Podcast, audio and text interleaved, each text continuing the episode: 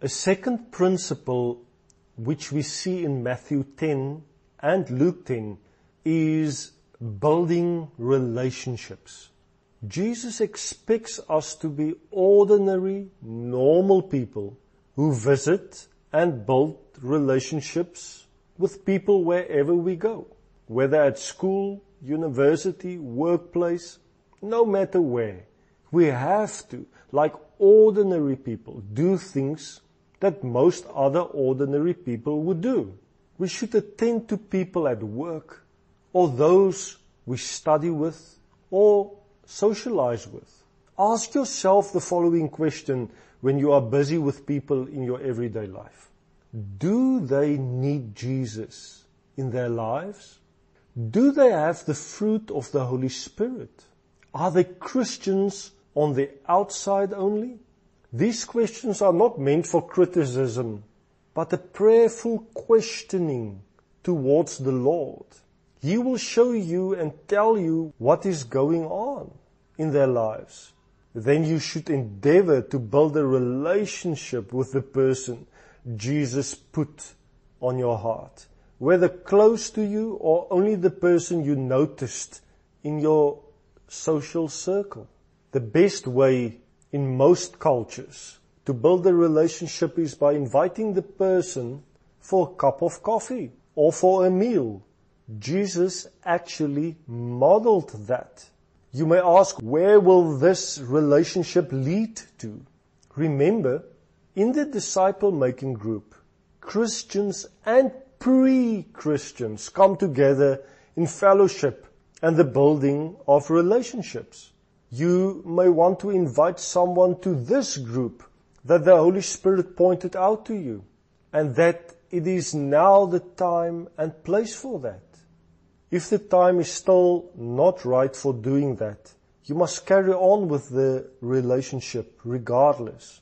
Build the relationship through socializing and speaking to the person regularly whenever you have an opportunity.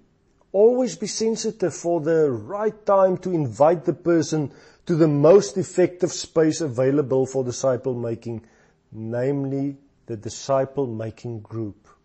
While you are visiting and building relationship with this person, you should endeavor to discover his or her story. People in general like to talk about themselves. If they do not, they will respond to questions you may ask.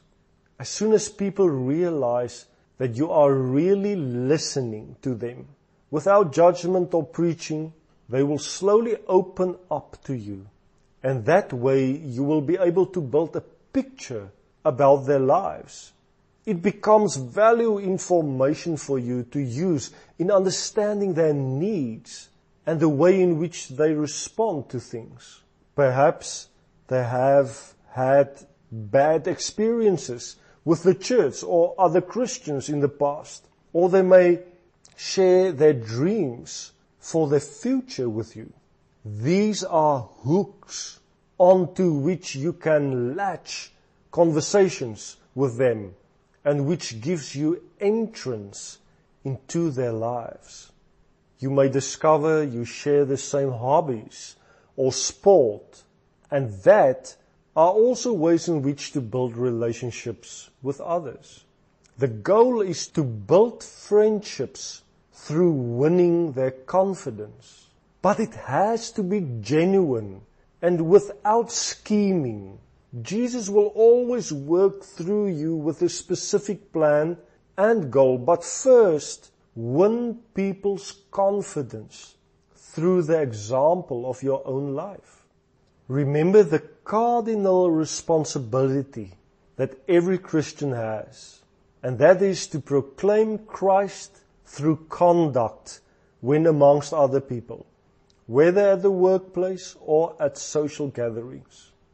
The focus of making disciples through relationships will only grow through building friendships with people who do not know the Lord, who are marginalized or rejected or who do not live in a relationship with the Lord.